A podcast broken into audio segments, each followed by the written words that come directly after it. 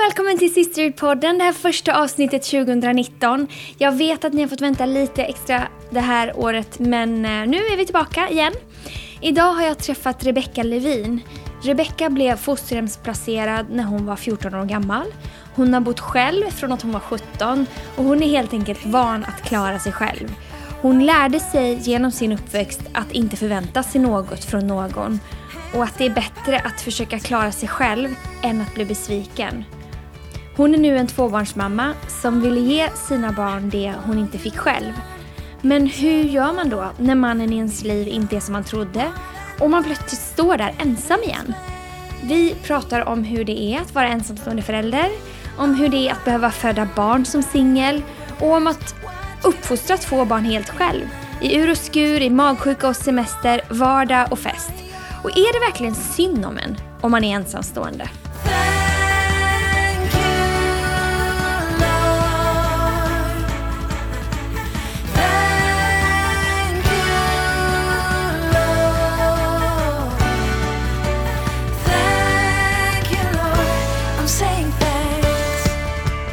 Sitter jag med Rebecca Levin. Välkommen till Sisterhood-podden. Tack så mycket Lina. Var drog du ditt första andetag? I Nacka här i Stockholm. En riktig 08. Ja, riktigt ursprungsnaletta. Vad gör du på dagarna? Eh, Just nu gör jag praktik för eh, jag studerar till socionom. Så att jag gör just nu min praktik inom socialt arbete. Hur kommer det sig att du ville bli socionom? Eh, Det grundar sig nog i det här syndromet av att vilja hjälpa folk. Eh, Och att det liksom kom ganska naturligt för mig att då var det den yrkesvägen jag behövde gå. Ehm, Och eh, att jag har en dröm om att driva HVB-hem. Och att man då måste ha en socionomexamen. Så det räckte liksom inte bara med att vilja hjälpa utan jag behövde också ha det här akademiska. Eh, Så då bestämde jag mig för att börja plugga. Har du långt kvar? Nej, ett år. Ja. Så att, eh, det Vad börjar kännas som att slutet är nära. Vid eh, den här tiden om ett år så tar jag examen. Så då har jag pluggat i tre och ett halvt år. Vad kul. Eh, hur ser en perfekt dag ut för dig? Eh, ja, men det är väl det här klassiska att det är lugn morgon utan stress, man kommer iväg i tid. Tunnelbanan kommer när man kommer ner på perrongen. ja, men liksom, det här klassiska, man bara känner att man har, ja, men när man har flowet liksom. Det är väl egentligen en perfekt dag. Lunchen smakar bra, alltså det är bara så här, det är ingenting som så här går emot en. Eh, för då känner jag så att man får tid att, ja, men att tänka på annat och vara liksom i en annan mindspace. Eh, så det, det är nog en perfekt dag. Men det är inte så att du bara längtar bort till en sandstrand någonstans. Trivs du med livet? Ja, men det gör jag faktiskt. Jag trivs med livet. Eh, och jag söker liksom de där stunderna i vardagen mer. Att, eh, men det här är någonting jag tycker om och här hittar jag glädjen. Så att jag går liksom inte bara och tänker så här, ja men om åtta månader då får jag resa bort, Precis. då blir livet bra. Nej, eh, jag tycker att det är svårt att leva så, faktiskt. Jag håller med. Har du någon morgonrutin? Och hur ser den ut i så fall? Ja, men... Alltså jag har en, en vision av en morgonrutin. och sen så är det lite modifierad dag till dag. Sådär. Men eh, jo, men jag försöker att eh, kliva upp innan barnen gör.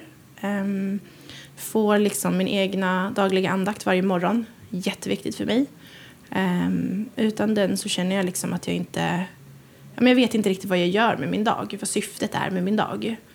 Eh, Så jag kliver upp innan barnen, eh, har min andakt, äter frukost i lugn och ro. Sådär. Väcker dem, kör racet eh, och iväg liksom till skola och dagis.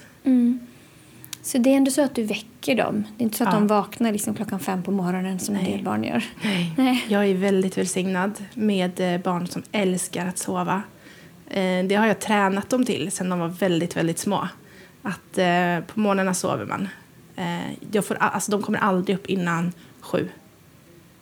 Aldrig någonsin, det händer inte. Ja, vad härligt. Ja, det är jag väldigt tacksam för.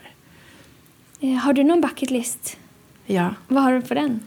Har du något smakprov? Alltså, jag har en bucket list och just nu har jag typ så precis kryssat av lite grejer. Eh, för att jag gör liksom en bucket list år för år nästan. Ja. Inte så för hela livet utan år för år. Eh, ta körkort låg där. Så det kunde jag precis nu bocka av. Det var Grattis! jätteskönt. Tack, det var så skönt. Åh, eh, men jag hade liksom så här, betala av CSN-skuld hade jag på den bucketlisten. Eh, börja plugga teologi ligger på bucketlist. Eh, träna regelbundet. Eh, träffa min pappa låg på min bucketlist. Så lite så saker som eh, ja, men lite drömmar och mål för året blir min bucketlist. Vad kul. Vi ska, Ja. Jag kan återkomma Ja. till den bucketlisten och det du nämnde Ja. alldeles strax. Men, men du med barn, eh, läser du någonting? Har du tid att läsa? Mm. Eh, jag prioriterar det. Jag älskar att läsa. Det är liksom nedvarvning och eh, eh, jobbar väldigt mycket med att få bort skärmtid just på kvällarna. Ehm, så att jag läser. Jag älskar att läsa så här eh, deckar, kriminalböcker och sånt. Eh, Sofie Sarenbrant läser jag just nu. Mm. Ja. Kul. Eh, men hur ser din familj ut? Mm. Ehm, min familj just nu är jag och sen har jag mina barn. Så jag har två barn. Och eh, alla så extra människor som man liksom har tagit till sig på vägen eh, tillhör också min familj. Så att, eh, ja, den är, den är stor. Det beror på vart man drar gränsen liksom. Hur, eh, hur gamla är barnen? Åtta och fem. Så eh, jag har en kille som är åtta och en tjej som är fem. Så det är full rulle. Mm. Är barnens pappa, har han varit med i bilden någonsin? Ja, men det har han varit. Ehm, vi, ehm, vi gifte oss för tio år sedan i år. Men eh, skilde oss för fem år sedan. Och det är väl mer nu, men senaste året skulle jag vilja säga, att eh, vi på något sätt hittat en bra, en bra relation till varandra igen. Eh, För det var väldigt liksom, svårt och det var väldigt infekterat och det var väldigt mycket så här, öppna sår i vår relation. Så det har tagit ganska lång tid innan, innan vi har hittat den här liksom, vägen som vi går på nu. Så att nu kan jag säga att han finns i barnens liv. Och det är jag jättetacksam för. Men du, du sa att ni skilde er för fem år sedan. Mm. Hade du fått ert andra barn då? Ja, det hade vi. Ja. Eh, Vi hade separerat innan jag blev gravid med vårt andra barn. Ehm, Men sen var jag gravid och då tänkte vi så här, ja men det här är kanske lösningen, det här är kanske en ny chans. Eh, Man liksom ville ge det ett försök till. Så att ehm, jag skrev faktiskt på skilsmässopapperna ganska precis några veckor innan mitt andra barn föddes. Gjorde jag. Hur var det? Eh, Det var nog det värsta jag gjort faktiskt. Eh, Det var ett sånt stort nederlag kände jag. Att jag, liksom, jag lyckades inte. Jag ville ju så gärna och man får ju den här prestationsångesten även i, i, liksom, i sitt förhållande. Att det ska gå bra. Så äh, men det var riktigt svårt faktiskt. Det var det. Och när, när du skrev på papperna, tänkte du då att nu blir jag ensam med två barn? Eller att du inte bara var, med, var gift med honom längre? Liksom, vad tänkte du att Ja. konsekvenserna skulle bli av det? Alltså jag var nog väldigt inställd på att jag skulle bli ensam. Ehm, det hade ju liksom varit de tendenserna i hela vårt äktenskap också. Eh, det började ju väldigt tidigt eh, i vårt äktenskap med att jag var väldigt ensam och han levde ett dubbelliv. Ehm, så att det var väl egentligen bara så här liksom insikter med att så här, ja, nu blir jag ensam på riktigt. Men egentligen har jag ju faktiskt varit det hela tiden. Men nu är det bara att alla andra kommer få veta att jag är ensam. Så det, var, det var lite dubbelt i det. Det? Hur kände du för det? Kände du att det här klarar jag av? Alltså jag, jag har nog alltid haft inställningen så här, men det här klarar jag. Det här kommer gå bra och jag är, en liksom, jag är en fighter och jag har varit med om värre saker förr liksom. Men samtidigt så var jag nog ganska rädd. För att det var ju någonting nytt, det var någonting jag aldrig hade gjort förr och så här, man har ju ett ganska stort ansvar när man har två barn. Och bara så här, ja men hur ska det gå egentligen? Eh, och jag hade fått förlossningsdepression efter mitt första barn. Så att jag var ju väldigt nervös inför det nu när jag skulle få ett andra barn. Och så här nyskild och jag hade ett barn. Alltså det var så här, det var så mycket som jag var så rädd inför. Men, eh, men ändå hade jag det här i mig så här, men jag klarar det liksom. Det kommer att gå bra. Fick du förlossningsdepression efter andra också? Nej, jag fick inte det.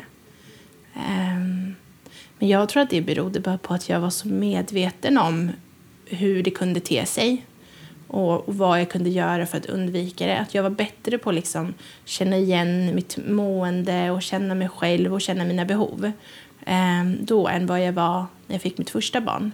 Då var jag 21 år, eh, ganska trasig. Eh, hade liksom ingen koll på vem jag var eller hur jag mådde eller vad jag ville må. Liksom. Så att eh, då gick det ganska långt faktiskt. Ehm, och det kunde jag ju förebygga den här gången. Så att det, det var ett aktivt arbete för att undvika det faktiskt. Hade du någon form av skyddsnät kring dig? Typ dina föräldrar eller, eller så? Nej, alltså jag har ingen, ingen direkt relation till mina föräldrar. Eh, och min mamma bor utomlands. Och eh, jag hade henne mer liksom närvarande vid mitt första barn. Men eh, vid andra barnet så fanns hon inte där. Nej, det gjorde hon inte. Så du var verkligen ensam då med barnen? Ja, jag kände mig verkligen det. Men jag hade liksom vänner. Eh, och det är det, det här, liksom så här, vart man drar gränsen vid familj. För att jag hade en helt fantastisk vän som bodde hos mig eh, då. Och eh, hon och hennes pojkvän liksom steppade ju verkligen in och, och tog hand om liksom min son när jag var på förlossningen och var där och hon sov med mig på förlossningen efteråt. Och det var så här, men hon verkligen fanns där. Och det, det kändes tryggt att veta att man inte var ensam liksom. Kände du Jesus på den tiden? Mm, det gjorde jag. Eller både och. För att jag eh, hade lärt känna Jesus. Jag blev frälst på This is Christmas för åtta år sedan. Och eh, här hade jag då liksom varit kristen i typ tre år ungefär, två, tre år. Men eh, jag kände liksom Jesus som min frälsare, som min räddare. Men inte som min partner, som min pappa och liksom så här, de alla andra attributen som, som Gud ändå kan ta. Så att ja och nej. Eh, jag visste inte riktigt vem jag var i Gud. Jag visste inte mitt värde som hans dotter och så. Men jag hade ju min tro. Den hade jag stenhårt. Du sa att du eh, tog emot honom på This is Christmas. Mm.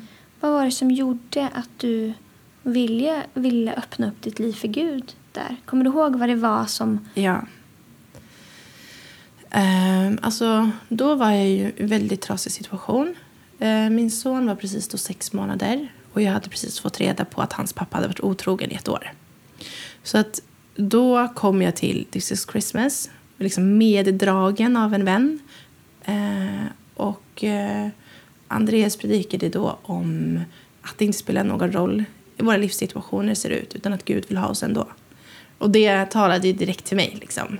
Att eh, jag behövde inte uppnå något innan jag kunde bli kristen. Jag behövde liksom inte göra resan först. Och eh, när han sa det, liksom, att det var så kravlöst så kände jag verkligen att ja, det är precis det jag behöver. Jag behöver den där kärleken utan krav. Liksom. Eh, så att jag, eh, ja, men jag kommer ihåg det ögonblicket fortfarande än idag. Du låter ju ändå väldigt positiv nu när du pratar om det och väldigt stark. Att du visste så här, nu ska, det här ska jag klara av och det här kommer bli bra. Var det så alltid? Eller har du minst någon sån här low point? När det bara kändes så här, det här är kaos. Det här kommer aldrig Ja. bli bra.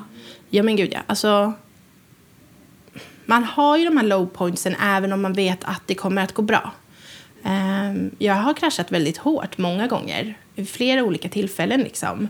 Och bara så här, det här kommer inte gå, det är liksom alltid skit och det finns ingen utväg och man, man känner liksom att man drunknar. Men, men samtidigt så, så har jag alltid vetat vad jag behöver göra. Att jag liksom, men lyft blicken, nu har du tappat fokus, eh, du leder inte dig själv bra just nu, vad har du missat? Så här, och bara men, hålla sig själv accountable. Och bara, hur går det med din andakt? Vad gör du? När var du senast på ett möte?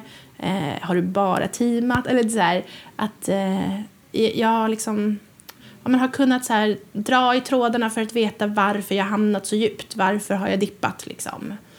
Ehm, det har jag kunnat göra. Så att det är väldigt högt och lågt. Men det finns alltid liksom orsaker att dra i. till Hur har du lärt dig att hitta de orsakerna och sambanden? Trial and error, fail and error, verkligen hela tiden om och om igen testa sig fram. När du eh, ska berätta om din familj och att du berättar att du är ensamstående. Mm. Jag vet inte om du, om, du, om du ser den titeln. Ja. Om du sätter den titeln på dig själv. Hur, eh, hur bemöter människor dig då? Tänker de åh stackars dig eller tänker de ja det är ju så många som är eller Ja. känner du att du får någon att du bedöms på något särskilt sätt? ja, men jag vet inte om det är mina egna fördomar om vad människor tänker liksom, om att vara ensamstående. Men oftast möts man ju med väldigt stor sympati. Men väldigt så här, jaha, men då förstår jag att du har det väldigt svårt. Och eller så här, jaha, men oj. Och väldigt så här, men oj-attityd. Eh, och det har jag väldigt svårt för. Det är nog någonting som provocerar mig jättemycket. Att man ska på något sätt tycka synd om dig? Ja. Eller liksom se ner på mina förmågor eller vad jag kan göra, vad jag kan komma med, vad jag kan erbjuda. Eh, bara för att man är ensamstående. Eh, att man liksom ibland kan känna som att det förväntas mindre av en fast man kan ge lika mycket. Eh, och jag tänker ofta på det att jag förväntar mig inte mer av någon som är gift. Så här, ja ah, men du är ju gift så då kan ju du göra lite mer. Mm. Liksom. Det gör man ju inte. Precis som någon då så här, kan säga så här, aha, men oj, är du ensamstående? Ja, men förlåt för att jag frågade. Alltså så här, jag ber om ursäkt. Man bara, fast jag kan göra det ändå. Liksom. Men tror du inte att det är ofta folk som inte vet hur det är? Jo, absolut. Man, precis som du säger, man kanske har fördomar eller... Och allas liv ser ju olika ut. Ja, verkligen. Eh, Så att man, man har någon sorts bild av Ja. Men det tror jag stackars, verkligen. stackars ensamstående Precis. eller något. Ja, ja men, jo, men det tror jag verkligen. Och det, och det kan jag förstå, absolut. Men jag tror att man behöver vara lite öppnare där, för att det är ju väldigt individuellt fortfarande. Eh, och framförallt hur man väljer att leva sitt liv. Även om jag är ensamstående så väljer jag att leva mitt liv på ett sätt som är väldigt lik många andras liv, fast de kanske är gifta eller sambos eller vad de än gör. Liksom. Så mitt commitment kan se likadant ut. Och det, det ger Gud ingen skillnad på i alla fall. Så att jag kommer få samma förutsättningar för att uppfylla min kallelse precis som någon annan. Eh, det spelar ingen roll om jag är gift eller inte. Liksom. Men samtidigt är det ju tufft att vara ensam förälder. Ja, gud ja. Det är jättetufft. Eh, det är nog inte lätt egentligen någon gång, faktiskt. Eh, men, eh, men jag tror, ja, nej, det är klart, det är jättesvårt. Det är det. Det är väldigt, väldigt ensamt att vara ensamstående. Eh, och jag tror att det är nog, för mig i alla fall, var den värsta känslan. Att eh, i många, många, många år inte ha någon liksom, som frågar hur ens dag har varit eller eh, sa att det var okej att sitta kvar i soffan för att man kunde ta disken själv eller liksom sådär. Eh, det är väldigt ensamt. Det är många, många kvällar man somnar själv liksom. Ehm, och att det inte behöver vara så. Att man liksom behöver utmana de förväntningarna man har på vem som, vem som ska finnas där för en. Att man liksom inte fastnar i att man kanske måste träffa en ny man för att inte vara ensam. Eller att man eh, måste göra en massa annat för att liksom bli av med det där. Utan att det är så viktigt att gå till roten med problemet och gå till Gud med det. Verkligen. Och låta Gud först få ta det. Du, eh, när du berättar om att du har, liksom, man bryter ihop ibland Ja. och sen så kommer man tillbaka. Ja. Det är lite som en berg och dalbana, liksom, att livet är så. Verkligen. Är det så fortfarande? Eller har du hittat något sätt att, liksom, att det är mer stabilt? Blir det någonsin mindre upp och ner? Ja, men det blir det verkligen. Um, alltså jag fick ju bestämma mig ganska aktivt för att jag inte mådde bra av att det var de där liksom, berg och dalbanesvängarna. När det var de här droppen som man liksom men fick kill i magen ungefär. Ehm, jag fick bestämma mig för att jag inte mådde bra av det och att det inte var liksom ett hälsosamt levnadssätt. Att köra på i 180, krascha, behöva återhämta sig i tre månader, köra på i 180 igen, krascha igen. Liksom. Eh, och att jag då behövde hitta en balans. Och ja, men rannsaka, liksom, vad är det som tar energi? Vad är det som ger energi? Eh, vad är det som får mig att må dåligt? Och, och helt enkelt börja välja vad, vad man gör. Så att nu har jag absolut mycket stabilare. Ehm, Det är fortfarande lite upp och ner såklart. Men det är ju mer livet som händer än hur jag förhåller mig till det som påverkar det. Ja, precis. Men har du lätt eh, för att be om hjälp med barnen eller livet? Nej. Du vill Nej. gärna vara stark och klara det? Eller? Ja. ehm, jag tror att jag har blivit bättre nu, faktiskt, på att be om hjälp. Men alltså, jag kommer ju från en bakgrund där jag aldrig lärt mig uttrycka mina behov. Eh, jag lärde mig väldigt liten liksom, att ensam är stark. Eh, liksom förvänta dig inte något av någon, för du kommer bara bli besviken. Eh, och så så att jag har liksom haft den attityden hela livet också. Och jag har kunnat köra på ganska hårt med det. Att så här, men jag klarar mig, jag behöver ingen. Eh, det är lättare att göra det själv än att bli besviken för att man förväntar sig något av någon annan och så. Så att ehm, det var nog inte förrän bara typ två, tre år sedan kanske som jag på riktigt bad om hjälp. Eh, så här, jag klarar inte det här, jag behöver hjälp. Ehm, så det har tagit lång tid, jag är 29 år idag liksom. Så att jag har kört på ganska länge. Det är nog många som kan relatera till det i och för sig. Att man gärna vill klara, Ja. klara allt själv, men ingen gör ju det. Nej. Ingen klarar sig själv helt och fullt. Nej. Det är inte bra för oss att vara ensamma. Nej, men och det är det som är, blir, liksom, blir så skevt. För att det är ju återigen det här med vad man ser bakom stängda dörrar och inte och allt det här som spelar in. Men att man på något sätt har, alltså så här, jag har ganska hög så här, prestationsångest och ganska höga förväntningar på mig själv. Att eh, det ska gå bra och jag ska göra vissa saker. Och sen när man börjar ifrågasätta dem, så här, varför har jag den här förväntningen på mig själv? Var kommer den ifrån ens? Är det ens någonting jag själv vill? Eller för att jag tror att folk förväntar sig av det här av mig. Liksom. Eh, och då kommer man ganska snabbt tillbaka till att det spelar nog ingen roll egentligen eh, vad andra tycker och tänker eller hur andra gör saker. Eh, det är fortfarande inte vad jag vill. Eh, så att, eh, men verkligen bara en resa att lära känna sig själv och sina behov. Men du, sa när du em, när ni bestämde er för att skilja er så kände du att det var ett väldigt misslyckande. Ja. Att du inte klarade av det. Ja. Jämförde du... Nu har vi inte pratat någonting om hur du hade det men du berättade att du inte har haft så mycket kontakt med dina föräldrar Nej. på senare år. och Sådär. Jämförde du med hur du hade haft det och kände att åh, så ska inte det bli för mig? Eller fanns det några, eller tänkte du att så här är det med relationer? Nej, alltså... Ja, men lite. Jag kommer från en så här dysfunktionell familj och blev familjehemsplacerad när jag var 14. Jag växte upp i det och ja, har bott med min moster och liksom flyttat runt och ja, men fick egen lägenhet redan när jag var 17. Så jag har bott själv sedan dess. Eh, och jag hade väl en så här önskan om att få ge mina barn det jag inte fick. Eh, och att man hade någon så här ideologi att så idealfamiljen är det man vill uppnå. Eh, så att det var ju absolut eh, ett nederlag, i förhållande till det. Att jag kände så här, men kunde jag inte ge mina barn en hel familj? Eh, nu upprepas det ju ändå på något sätt att de inte får det här hela, fina, heliga liksom. Ehm, så att det, var, det var absolut förknippat till det. Och att jag själv inte växte upp med min pappa eh, Eh, och var väldigt rädd för att så här, men nu kommer mina barn inte heller ha deras pappa. Och, och kände på något sätt att det hängde på mig. Att det var upp till mig att se till att mina barn hade relation med deras pappa. Um, så att eh, ja, det var absolut förknippat till liksom, min egen uppväxt. Men även uh, liksom förväntningarna man tänker kommer från samhället. Um, och hur man gärna vill liksom, att det ska vara. Och, och jag var ju väldigt osäker då. Jag, så här, I hur gör man saker? Jag var relativt nyfrälst. Och wow, här kommer jag in i kyrkan och vet att jag vill göra det här till mitt hem. Men jag tänker skilja mig. Och vad händer med mig då? Och hur ser, kommer det se ut? Och så. Så att det var ju liksom... Det var ju en väldigt tuff tid. Verkligen. Trodde du att... Eh, Trodde du att du inte... Trodde att du behövde visa upp ett perfekt liv Ja. i kyrkan? Ja, absolut. Det trodde jag verkligen.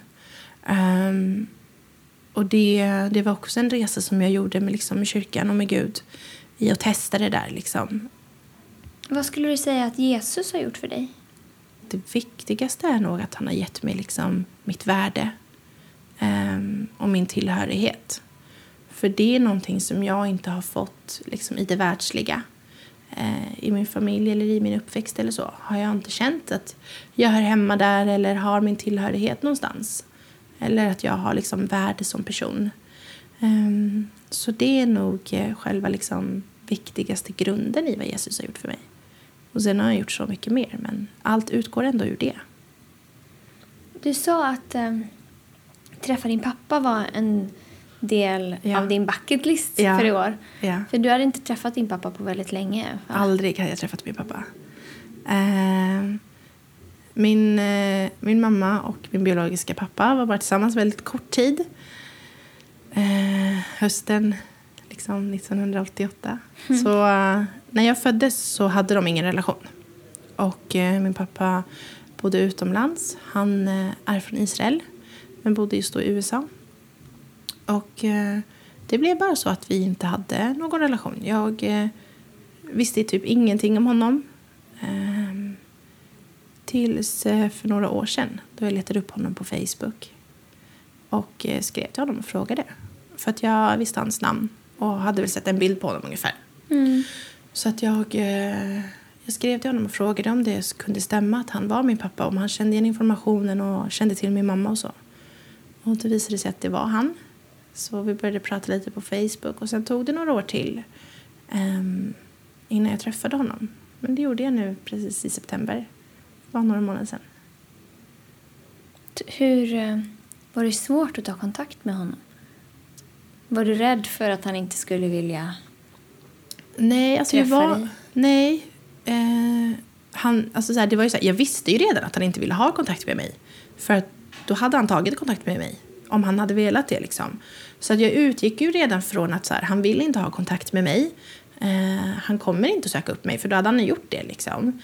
Men jag vill ändå veta. Att det var liksom lite mer för min skull. Så här, han vill inte men jag har faktiskt rätt att fråga. Och jag har rätt att få veta vissa saker liksom. Så att det var ju såklart lite läskigt ändå. Men, eh, nej, men jag kände mig berättigad. Det liksom. Och, och var väl ganska tydlig med det så här, i vår kommunikation. Att du har valt i flera år, liksom, typ 20 år av mitt liv, att inte ha kontakt med mig. Men jag har rätt att liksom få veta och få ett erkännande. att Det är du som är min pappa och hur ser ditt liv ut och vem är du? Um, det, det är jag väldigt glad för att jag gjorde idag. Faktiskt. Vilket råd skulle du ge till någon annan som är ensamstående? Ehm, men våga visa dig liksom. Ehm, att inte liksom känna att man är svag kanske. För att man vågar ja, men visa upp att man kanske behöver hjälp. Eller att man inte orkar. Har du något favoritbibelord? Ja, det har jag. Ehm, och just nu, det har väl varit de senaste månaderna kanske, så är det från första Johannesbrevet eh, 4 och 18. Eh, för eh, i kärleken finns ingen rädsla. Och eh, fullkomlig kärlek driver ut all rädsla. Eh, och det är utifrån att Gud är kärlek. Så att eh, i Gud finns ingen rädsla.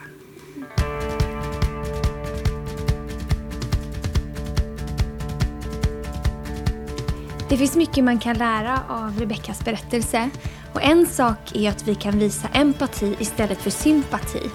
Man kan visa omtanke och vänlighet utan att tycka synd om eller se ner på någon. Och det är ju inte synd om Rebecka.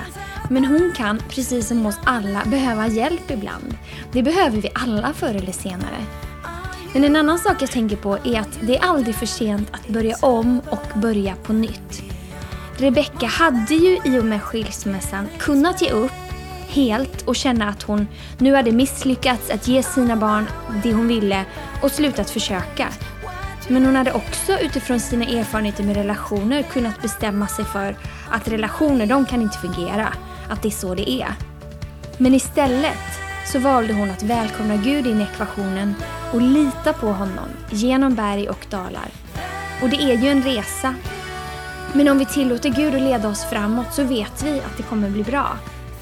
Och hon valde också att omge sig med bra människor. Och nu har ju både Rebecka och barnen det de behöver. De har en hälsosam familj. Jag älskar hur Gud gör sånt. hur han upprättar, han styrker och han vägleder. Och nu är Rebecka en inspiration för andra i hur hon väljer att leva sitt liv utifrån bra värderingar och i att leda sig själv. Som Rebecka sa, man behöver ju inte ha gjort resan först innan man tar emot Jesus i sitt liv. Det är ju tvärtom. Det är ju första steget att ta emot honom och välkomna honom in i livsekvationen. Hur ska han annars kunna leda oss rätt i livet? Gud är den bästa pappan i hela världen. Han står med öppna armar, han välkomnar oss som vi är och sen leder han oss, alla sina barn framåt. Vårt uppdrag, det är att låta honom leda och välkomna andra in i familjen.